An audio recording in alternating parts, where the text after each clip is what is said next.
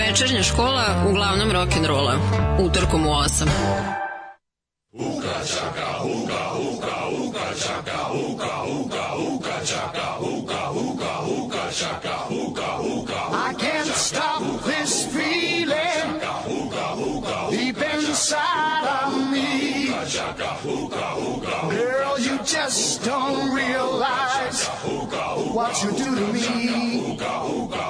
When you hold me in your arms so tight, you let me know everything's alright.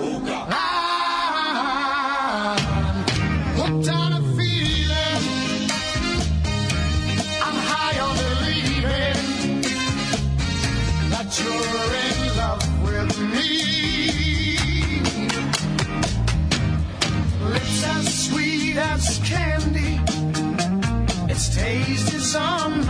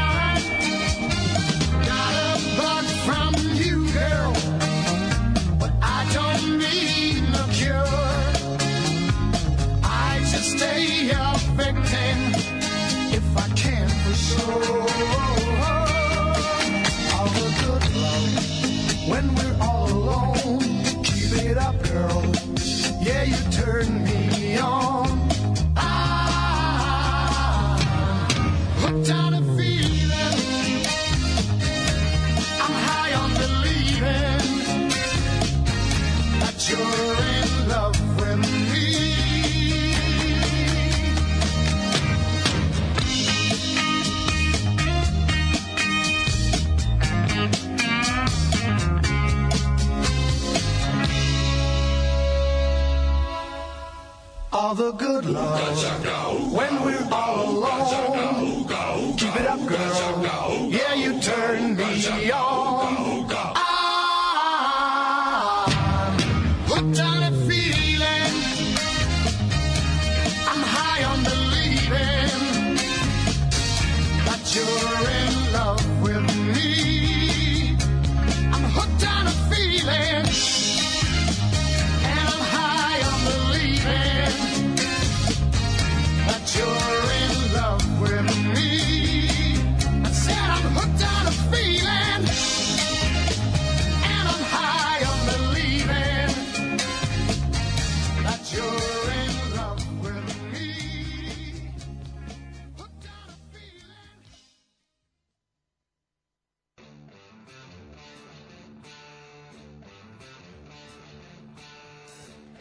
Dobro večer. Um, Indiewood ili Indie filmski pokret. Uh, termini su koji označavaju spektar američkih filmova snimljenih izvan Hollywooda, njegovih strogih pravila i rokova, sad sa većom ili manjom stopom uspeha, kako kad. A, tokom 80-ih i prve polovine 90-ih indie filmovi bili su povezivani sa B produkcijom, avangardom i underground kinematografijom, kao i e, takozvanim exploitation filmovima. Sad objasnit ću. A, to su B filmovi koji streme uspehu eksploatišiću trendove i škakljive, a privlačne teme, kao što su eksplicitan seks, a, bunt, opijati, nasilje, bizar i tako a, svašta nešto eto um, najosnovniji recimo primer tako nekog filma bi bila Clockwork Orange Uh, Indiewood filmovi se snimaju pa uglavnom skromnijim budžetom od hollywoodskih, uh, ne podležu strogom nadzoru, rokovima niti fokus grupama i filmađije same odlučuju o tome kakve i kada će uh, korake da preuzimaju. A, ipak se oni najčešće najpre prikazuju na filmskim festivalima sa nadom da će ih neka jeli, veća kompanija otkupiti za dalju distribuciju. Um, neki od primera indie filmova su uh, In Bridge, No Country for Old Men, zatim franšize Halloween i So, uh, Fight Club, a filmađije Kubrick, Wenders, Lynch, Fincher i onaj uh, kog smatraju kraljem indie wooda uh, Quentin Tarantino. On je sa 14 napisao svoj prvi scenariju, a sa 15 je napustio školu i lažući za godine da je stariji, se zaposlio kao razvodnik u porno bioskopu. A, sledilo je nakon toga pet godina rada u videoklubu, a prvi hollywoodski posao bio je e, kao asistent producentu na snimanju fitness videa Dolfa Lundgrena, e, naziva Maximum Potential. a na pitanje da li je išao u školu za snimanje filmova, on odgovara da je išao na filmove. A sad jeste kasnije pohađao izvesne časove glume na kojih je na osnovu kojih je imao uh, ulogu u jednoj epizodi serije Golden Girls 88. godine, a novac zarađen tom prilikom bilo je nekoliko stotina dolara, pomogao je pred produkciju njegovog prvog filma Reservoir Dogs. E sad desilo se da je ta epizoda uh, postala jedna od the best of, tako da se reprizirala uh, iz godine u godinu idućih tri ili četiri godine, tako da je taj inicijalni uh, kapital porastao na oko 3000 dolara, što je kasnije dovelo do toga da na roštilju kod nekog drugara je upoznan tipa koji zna tipa uh, koji radi u današnjoj Lionsgate kompaniji. I sad tu u okviru u okolini, to jest e, tog tipa poznanika, se našao i Harvey Keitel, koji je pročitao scenariju za Reservoir Dogs, doprinao je budžetu za snimanje i sam je uzeo ulogu kao Mr. White. A, ovaj film je prikazan na Sundance festivalu te 92. i postao je instant hit. E sada, ono što je Quentin jasno stavljao do znanja još od ovog svog prvog ostvarenja uh, je to da pre nego što je on postao režiser, najpre bio filmski fan, a od napisanog scenarija preko editovanja, koreografije i tako dalje, sve to zajedno predstavlja vredne lekcije iz filmske umetnosti. Ali ipak, ono što on e, nekada stavlja i ispred svega toga, sad što sam navela po važnosti u njegovim filmovima je muzika. A, čini mi se, pre dve nedelje bila sam na jednoj svirci u Domu kulture, band koji se zove The Quarantinos. I oni izvode e, muziku iz njegove filmove i super je, tako su i kostimirani kao ove momci iz Reservoir Dogs ima i duvačka sekcija, stvarno onako a, interesantno i spektakularno, tako da odatle je došla ideja za večerašnju epizodu u kojoj ću vam govoriti o muzici iz filmova Quentina Tarantina. I sa tim u vezi u uvodu smo čuli pesmu Hooked on a Feeling iz tog pomenutog prvog filma Reservoir Dogs. Potrudila sam se da ne bude baš preočigledno o čemu ću govoriti a, zbog uvodne pesme. Um, izvod je švedski rock band Blue Suede, to jest uh, Blue Blues, čini mi se na švedskom originalno. Uh, to je ujedno najveći hit ovog sastava koji je bio aktivan tokom 70-ih, a inače je pesma originalna uh, neka popić numera iz uh, 60-ih. Dobro večer još jednom. Uh, mi se dakle slušamo 105. put. Uživajte.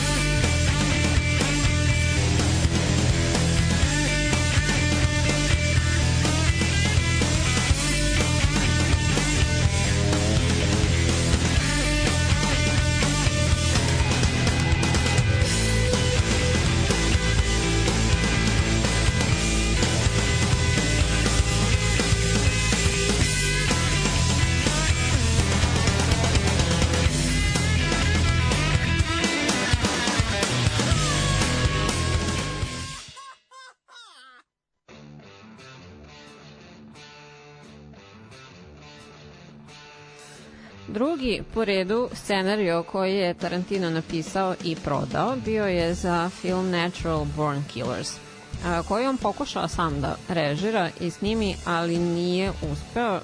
Čini mi se da mu nije finansijski mogao da ga isprati. Te se on našao u rukama Olivera Stona. Stone ga je izmenio značajno, mislim na scenariju. Dijalozi su ostali mahom nepromenjeni, ali je izmenio sasvim fokus filma sa novinara Vejna na Miki i Mallory. A, svakako je ta promena bila dovoljno drastična da Tarantino bude naveden samo kao autor priče, što ga je navelo i sve te izmene koje mu se nisu svidele, to ga je sve navelo da se kao zvanično odrekne ikakve povezanosti sa ovim filmom, ali je kasnije ipak rekao da ne gaji animozitet prema Stoneu. Um, po uspehu sa Reservoir Dogs, veliki filmski studiji su počeli da mu prilaze sa ponudama za rad na projektima poput Men in Black i Speed, ali ih je on odbijao i relocirao se u Amsterdam da bi radio na Pulp Fiction. U ovom dinamičnom i zabavnom krimiću nastavio je sa onim što je započeo, a što će mu ostati karakteristično, to stilizovano nasilje i nelinearni narativ, što znači da se događaju, događaji prikazuju ispremetanim redom, kao in medias res. Za ovaj film nije snimana originalna muzika, već je Tarantino koristio asortiman a, surf, soul i pop muzike, a insistirajući pritom da to nije zbog surf kulture, već e, jer e, m, doprinosi a, duhu tih jeftinih krimi romana. Um, u njegovom kreativnom procesu pravljenja filmova njegov izbor muzike je na prvom mestu važnosti i smisla. Sad pesme se ne nađu u filmu tek tako, već imaju e, ključnu komponentu u pripovedanju priče. A sad bilo da je to e, scena u kojoj, na primjer, Mr. Blond oslobađa čoveka njegovog uha, dok e, Stuck in the Middle with you veselo svira, pa još malo uz to mrda kukovima i smeška se. Ili e, kada Mia i Vince pobeđuju twist takmičenju Jack Rabbit Slimsu uz You Never Can Tell, pesme su značajno povezane sa svojim scenama. A u bukletu e, soundtrack albuma The Tarantino Connection iz e, 96. Istaknuto je da je prva stvar koju on uradi kada započinje film ili kada tek razvija ideju je da izlistava svoju kolekciju ploča i pušta pesme, pokušavajući da iznađe duh i atmosferu filma.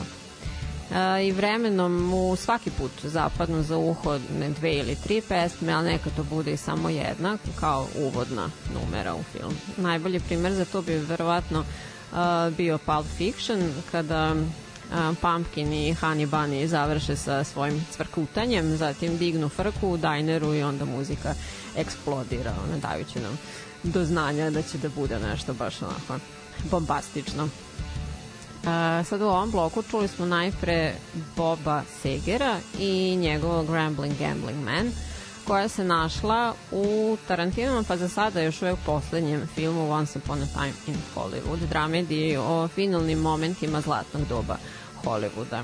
A soundtrack je kompilacija klasik rock numera iz 60-ih, a, zatim radijskih oglasa i fragmenata DJ programa iz e, tog doba. Quentin i njegova muzička supervizorka za ovaj film su preslušali 14 sati originalnog radijskog programa jedne Los Angeleske radio stanice iz 69. godine i zajedno su preslušavali te njegove ploče. E, dobijali su sa druge strane ponude muzičara koji su želeli da snimaju obrade po njihovoj želji e, da budu soundtrack za taj film i na primjer Lana Del Rey je želao da snimi originalnu muziku ali je Quentin insistirao da to bude autentična muzika od pre 70-ih. Soundtrack za film American Graffiti je veoma uticao na njega, posebno jer je on uključivao fr- fragmente, ka, kažem, tih um, DJ programa. A u vezi sa ubacivanjem Neil eh, Diamonda, eh, rekao je da pesma Brother Love, koja je našla svoje mesto u ovom ostvarenju, njemu kao baš zvuči kao Charles, podsjeća ga na Charlesa Mansona, a uz to da Diamond i on imaju istoriju još od Pulp Fictiona, o čemu ću vam malo kasnije a, reći. Te je e, garažni rock e, e, šta sam ja ovdje, ne znam šta sam ispisala, nije ni važno. Um, sledila je Dusty Springfield i Son of a Preacher Man koja uh, se našla na njenom albumu iz uh, 68. Dusty in Memphis. A kod Tarantina uh, se našla u filmu Pulp Fiction, kada Vincent dolazi po Miju da idu u izlazak, pa je, jel, čeka da se ona spremio, dakle, potiče onaj poznati gif koji svi koristimo, ono kad se uh, John Travolta okreće, ono, samo ko sebe. E, tekstopisački duo koji su autori ove pesme su je napisali imajući na umu Aretha Franklin, kao trebalo je njoj da bude namenjena. Ali je suvlasnik Atlantic Recordsa uspeo da ih ubedi da je prepuste Dusty, koja je tada snimala svoj prvi album za ovu izdavačku kuću, a ukupno je to bio njen peti. E, istaknuto je da je konkretno ova numera pomogla prodaji oko 2 miliona ploča ovog soundtrack albuma, Tarantino je izjavio da u slučaju da nije bio u mogućnosti da je iskoristi, izbacio bi tu scenu u potpunosti. Eto, ono, koliko a, važnosti daje muzici kao nosioci, nosiocu filmova. A, I sad na kraju a, sam malo uhvatila krivinu pošto sam uključila pesmu iz filma za koji e, scenario jeste napisao Tarantino, ali ga je režirao Rodriguez. Sad njih dvojica su bliski prijatelji i česti saradnici, a ja nisam htela da propustim priliku da uvrstim Zizije u večerašnji repertoar. A, Rodriguez je iz Teksasa, a svoje filmove snima ili u toj državi ili u Meksiku i oni su počesto sa tom latino tematikom. E, tako su muzičari čije su pesme završile u ovoj akcijnoj horror komediji uh, From Dusk Till Dawn, uh, dominantno Texas bluzeri, dakle ZZ Top, zatim Stevie Ray i njegov stariji brat uh, Jimmy. Von i Chicano rock sastav Tito and Tarantula.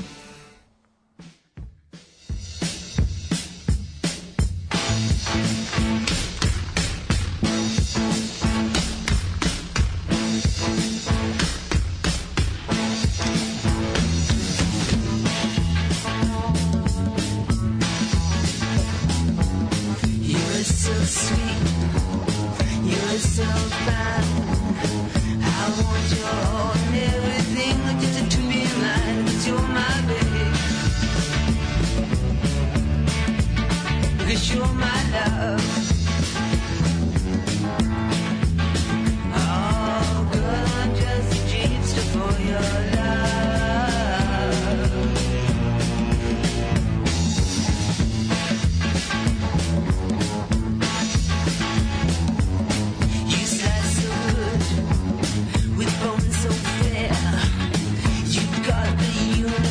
reclining in your hair. You're my baby. You're my love. Oh, girl, I'm just a dreamster for your love.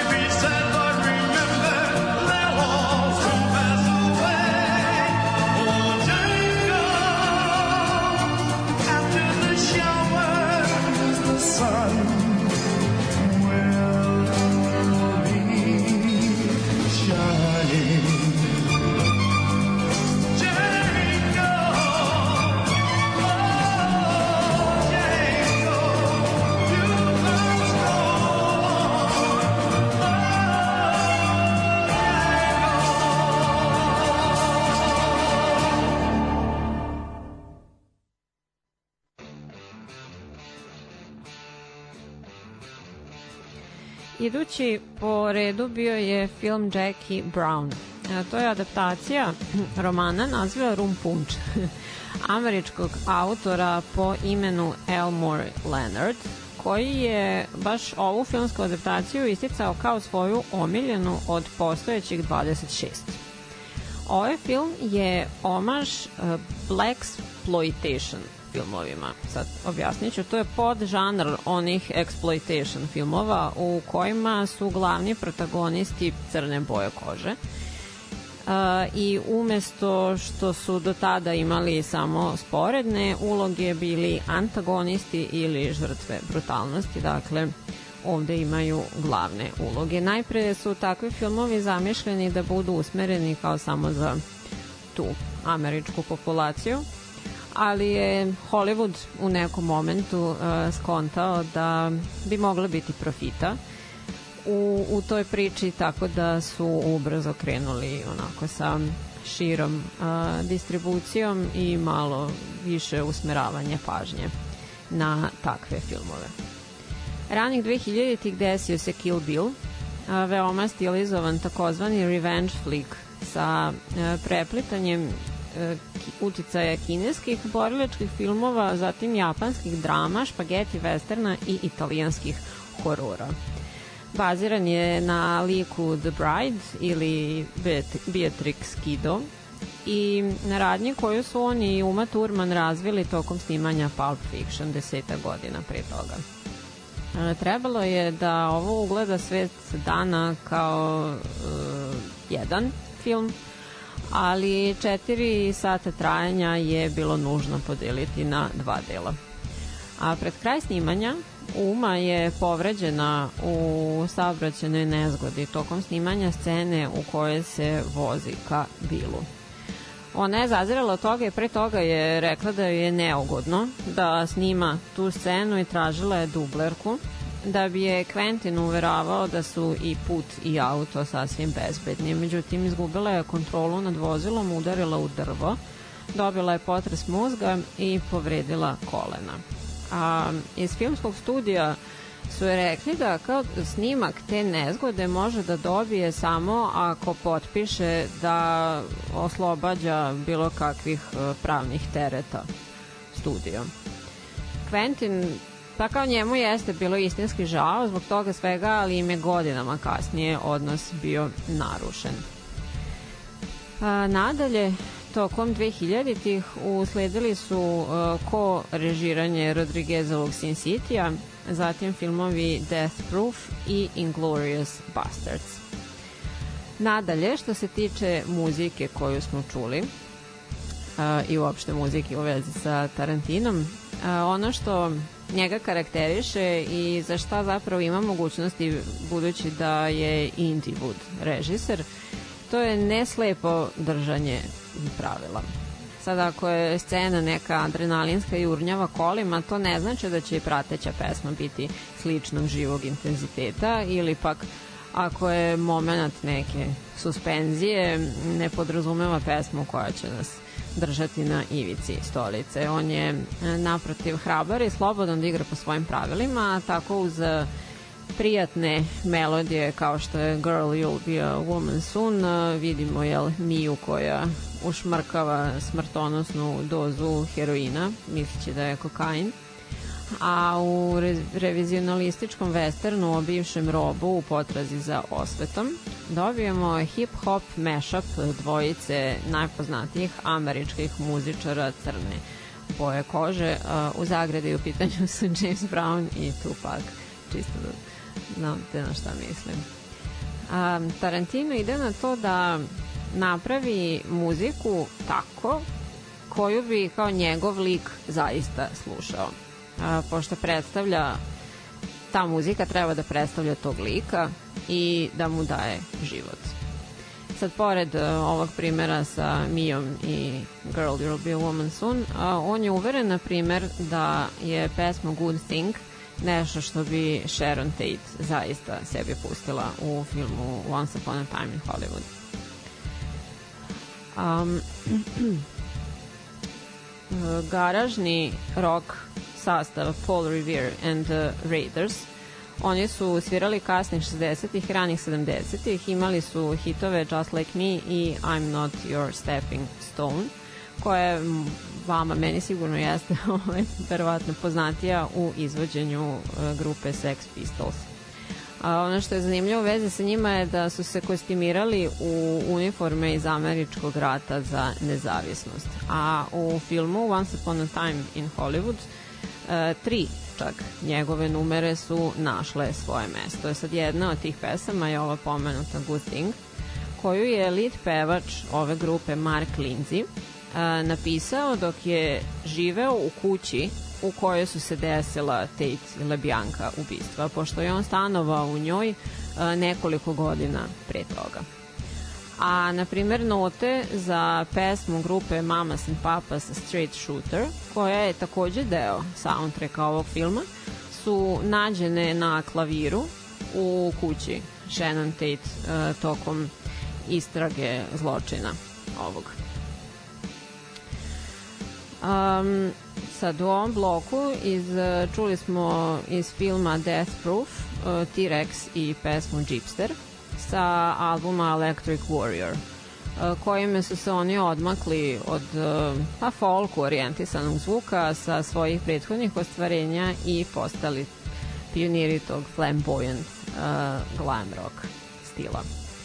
A ono što ja nisam imala pojma je da je soundtrack za Kill Bill, e, prvi deo, organizovao, producirao i orkestrirao jedan Gari iz onog hip-hop sastava Wu-Tang Clan.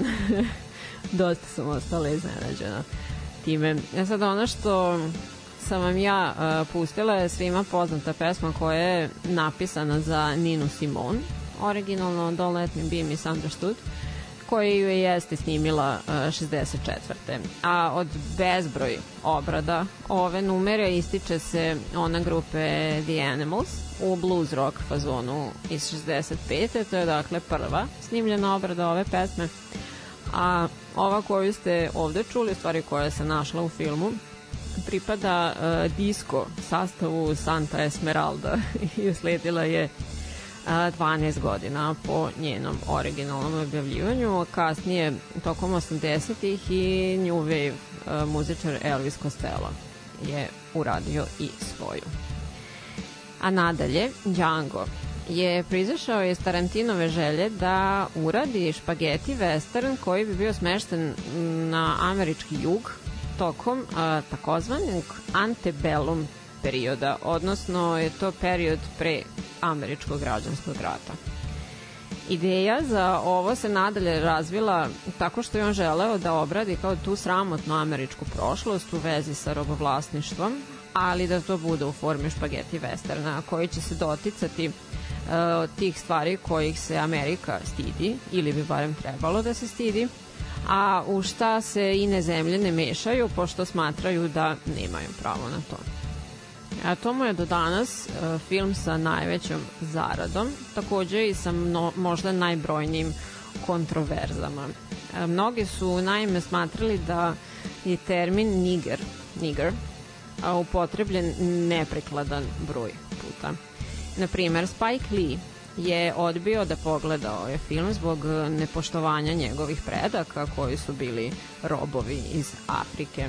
A Jesse Williams, onaj uh, tip iz serije Grey's Anatomy, najpoznatije recimo, a, se nije u svojim kritikama dotakao toliko jezika, nego koliko neautentičnosti u životu i oblačenju robova, kako je prikazano u filmu. E, takođe, da se suočavamo kao sa potpunim izostankom želje tih robova za slobodom i njihove želje i planova za bežanjem, izuzev Djanga.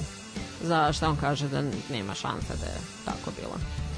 A, sa druge strane, Samuel L. Jackson, jeli, koji igra u ovom filmu, e, je branio korišćenje termina nigger, rekavši Da bi to bilo kao da se neko žali na upotrebljavanje slenga eh, e, sad ja nisam proverila kako se ovo izgovara, izvinjam se, ali recimo kike ili kajk, tako nešto, u filmu o nacistima, koji je pežorativan izraz za jevreje. Sad ovaj pomenuti Jesse Williams, jel se na to nadovezao da a, ta reč nije ni blizu korišćena, na primer u filmu Inglourious Basterds, pošto jevrijska zajednica to naprosto ne bi dozvolila. Um, kritikovan je ovaj film i zbog previše brutalnosti i nasilja, kao i zbog istorijske netačnosti ili barem zbog nepotvrđene autentičnosti, pošto, na primjer, ne postoje istorijski dokazi o mandingo borbama. A što se tiče muzike, u ovom filmu ona je dosta šarena, ali je sa jakim uticajem one muzike koja je korišćena u špageti westernima. A ova pesma, Django, e, izvodi je Luis Bakalov, to je bio, pokojni je argentinski filmski kompozitor.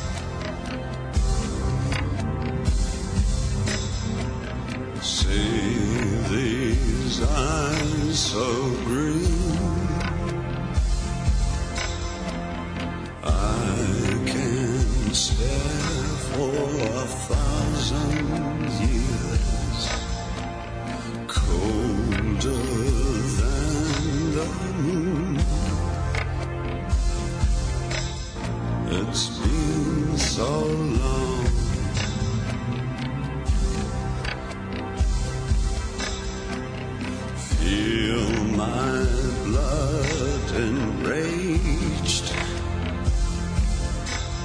It's just the fear of losing you. Don't you know my name?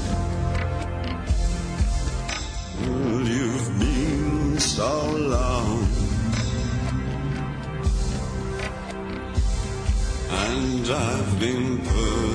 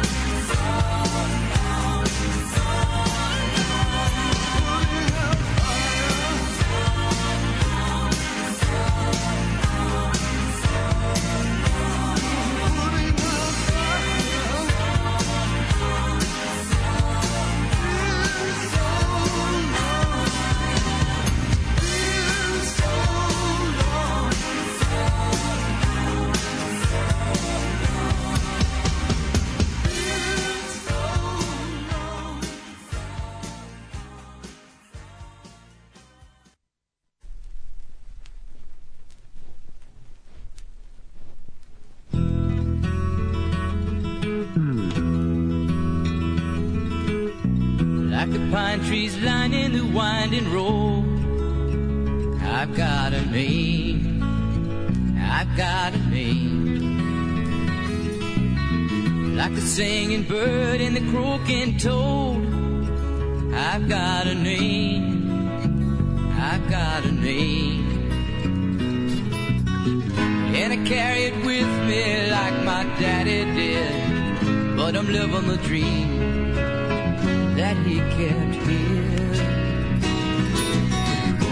down the highway, rolling me down the highway, moving ahead so life won't pass me by.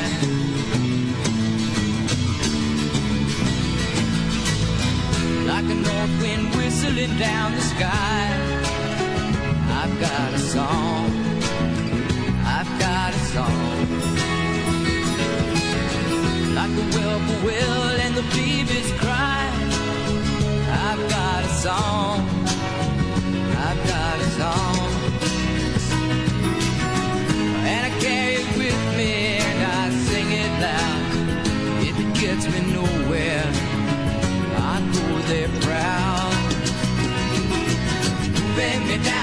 highway. Oh, me down the highway.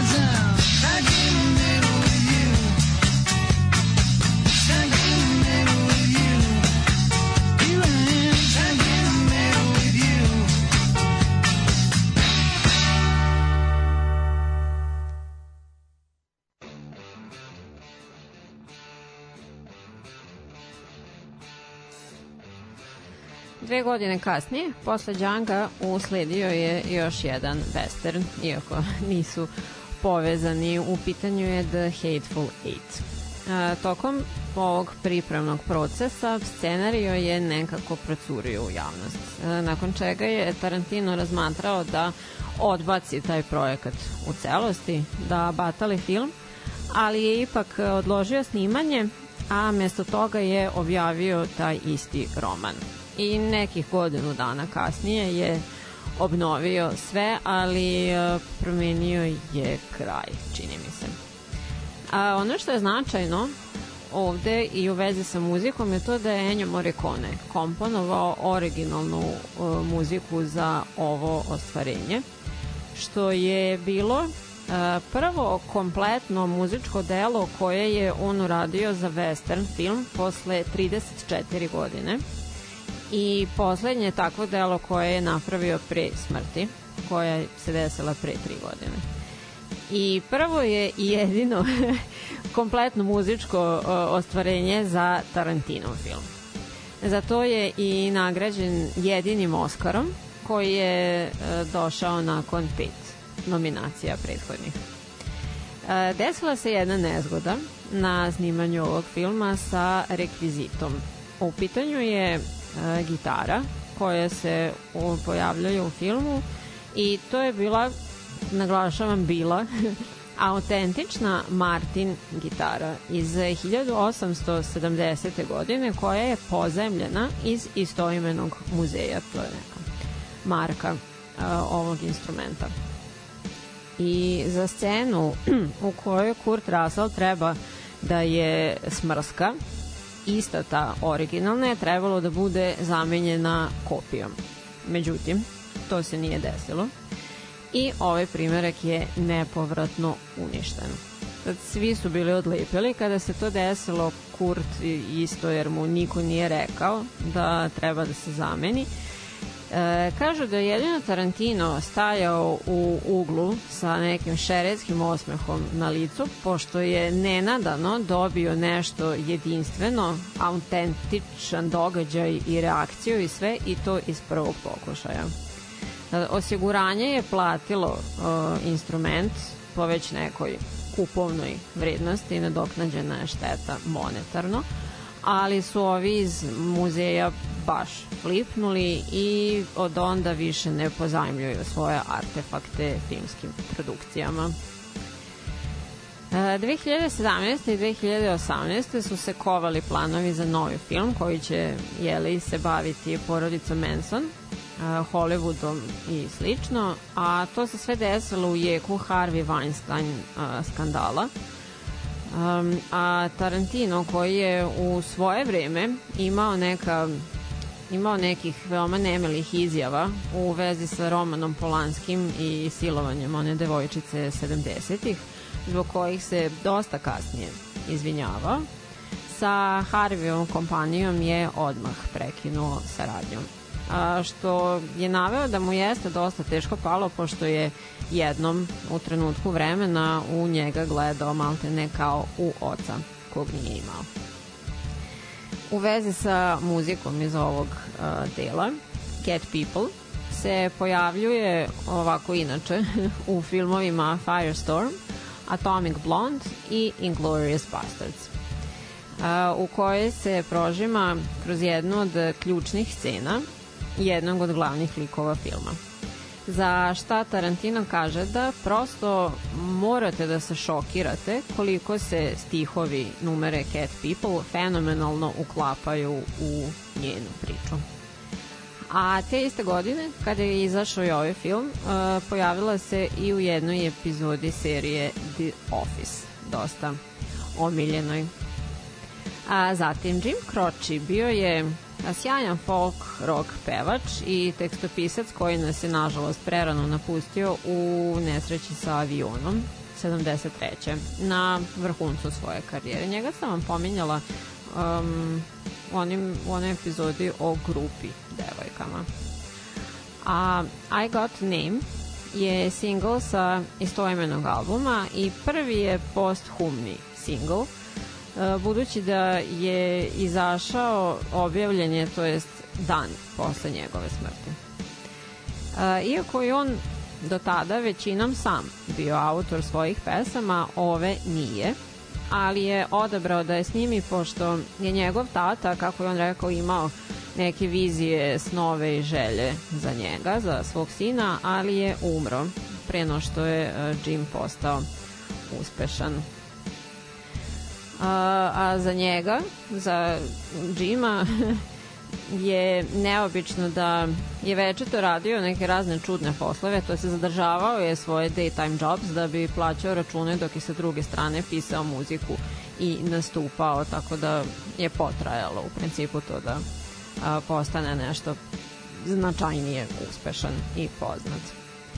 A, narator nam dakle ovde govori kako je ponosan onim što jeste i kuda ide u životu e, i da to zapravo čini drugčije od svog oca koji je grešio i skrivao se uvek. A bez obzira na to što drugi govore kada on podeli svoje snove i želje sa njima, on e, je slobodan da ih prati, pa sad ako ne stigne nigde, opet nema veze, pošto je živeo život i uživao u njemu.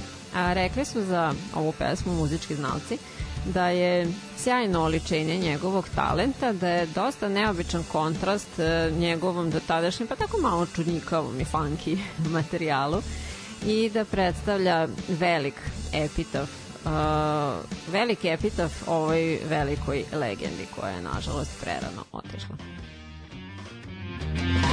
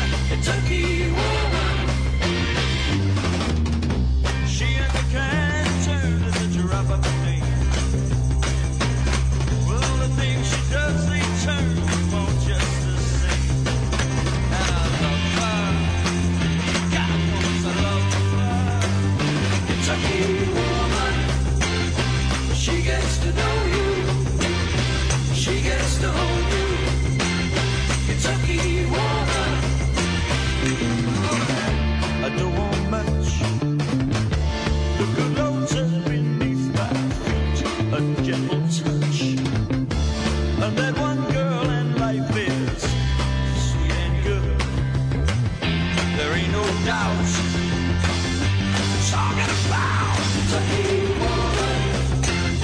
She gets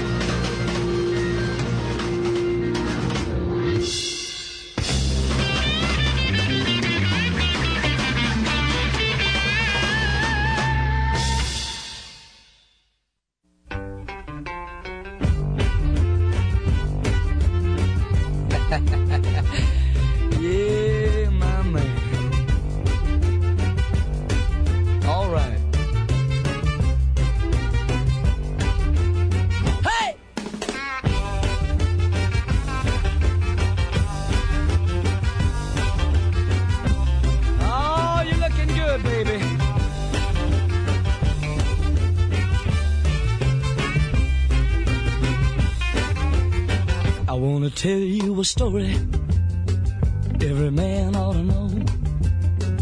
If you want a little loving, uh, you gotta start real slow.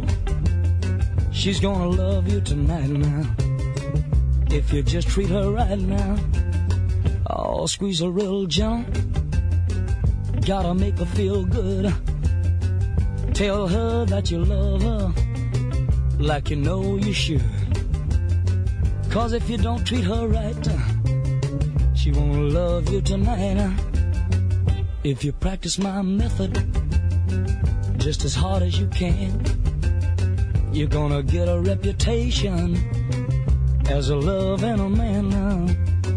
And you'll be glad every night that you treated her right.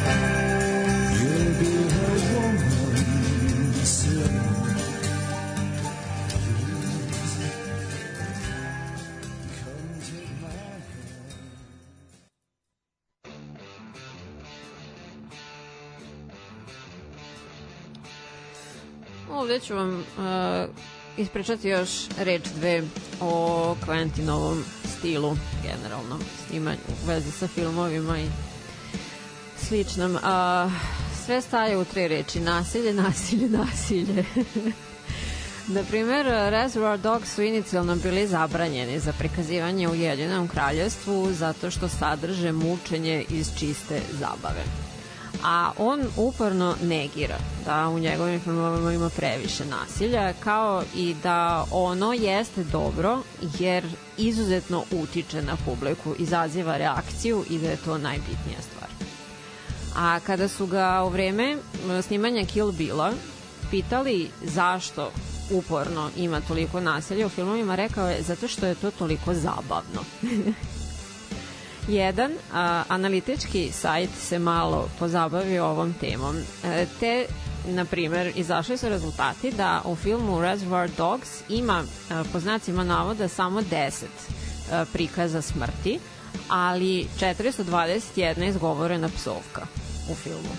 A, na primjer, u Django uh, se izgovore opet samo 262 psovke, ali 47 ljudi izgubi život na ekranu. On uh, često miksa razne estetske elemente kao tribute svojim omiljenim filmovima ili pak režiserima. Oznaka svih njegovih filmova, pečat svih njegovih filmova je drugačiji smisao za humor u svakom, što nekako podstiče gledaoca da se smeje na scene koje zapravo i nisu smešne. Ali ipak uvek insistira da su njegovi filmovi drame, a ne komedije. Dijaloge karakterišu neobavezni razgovori sa referencama iz popularne kulture. Zatim kreira sobstvene mm, proizvode, neke pro, aktivne proizvode i lokalitete koji se prožimaju kroz filmove. Na primer Red Apple Cigarettes, uh, Big Kahuna Burger, Jack Rabbit Slims i tako dalje. A naravno neizbežno tu su i stopala. On tvrdi da nema fetiš na stopala i da to nije ništa ozbiljno, da ima mnogo golih stopala u mnogim drugim dobrim filmovima. E, dodao je, to jest, ne znam, prebacio je vruć krompir na Hitchcocka i Sofiju Coppolu, koji su takođe navodno bili optuživani za food fetiš, kao pa šta ima veze, ono šta sad. E sad za muziku to sam vam dovoljno rekla koliko definiše i podiže priču i njene likove sve na viši nivo. U ovom bloku za kraj uh, čuli smo Kentucky Woman sastava Deep Purple uh, i pesmu Treat Her Right. Roy Head and the Trades meni uh, se više dopada u Billy Gibbonsa. ali dobro, oba ova filma su se našli u obe, o, pardon, obe pesme su se našle u filmu Once Upon a Time in Hollywood a Girl You'll Be a Woman Soon znamo, jel? Da to sam rekla da Uh, Urge Overkill je izvodio u stvari ovu pesmu koja se našla u filmu Pulp Fiction zato što Neil Diamond, autor originala, nije dao dozvolu da se njegova numera uh, tu nađe zbog um, tematike filma imao je utisak da glorifikuje upotrebu heroina, da je previše nasilan krvav i tako dalje i nije hteo da ima veze s tim. A, ovde završavamo druženje za večeras. Mm, Nadam se da vam se dopalo. Eto, nešto, pa recimo malo drugačije. A slušat ćemo se ponovo sledećeg utorka u 8. Podržite me na Patreonu i Paypalu do tada. Ćao!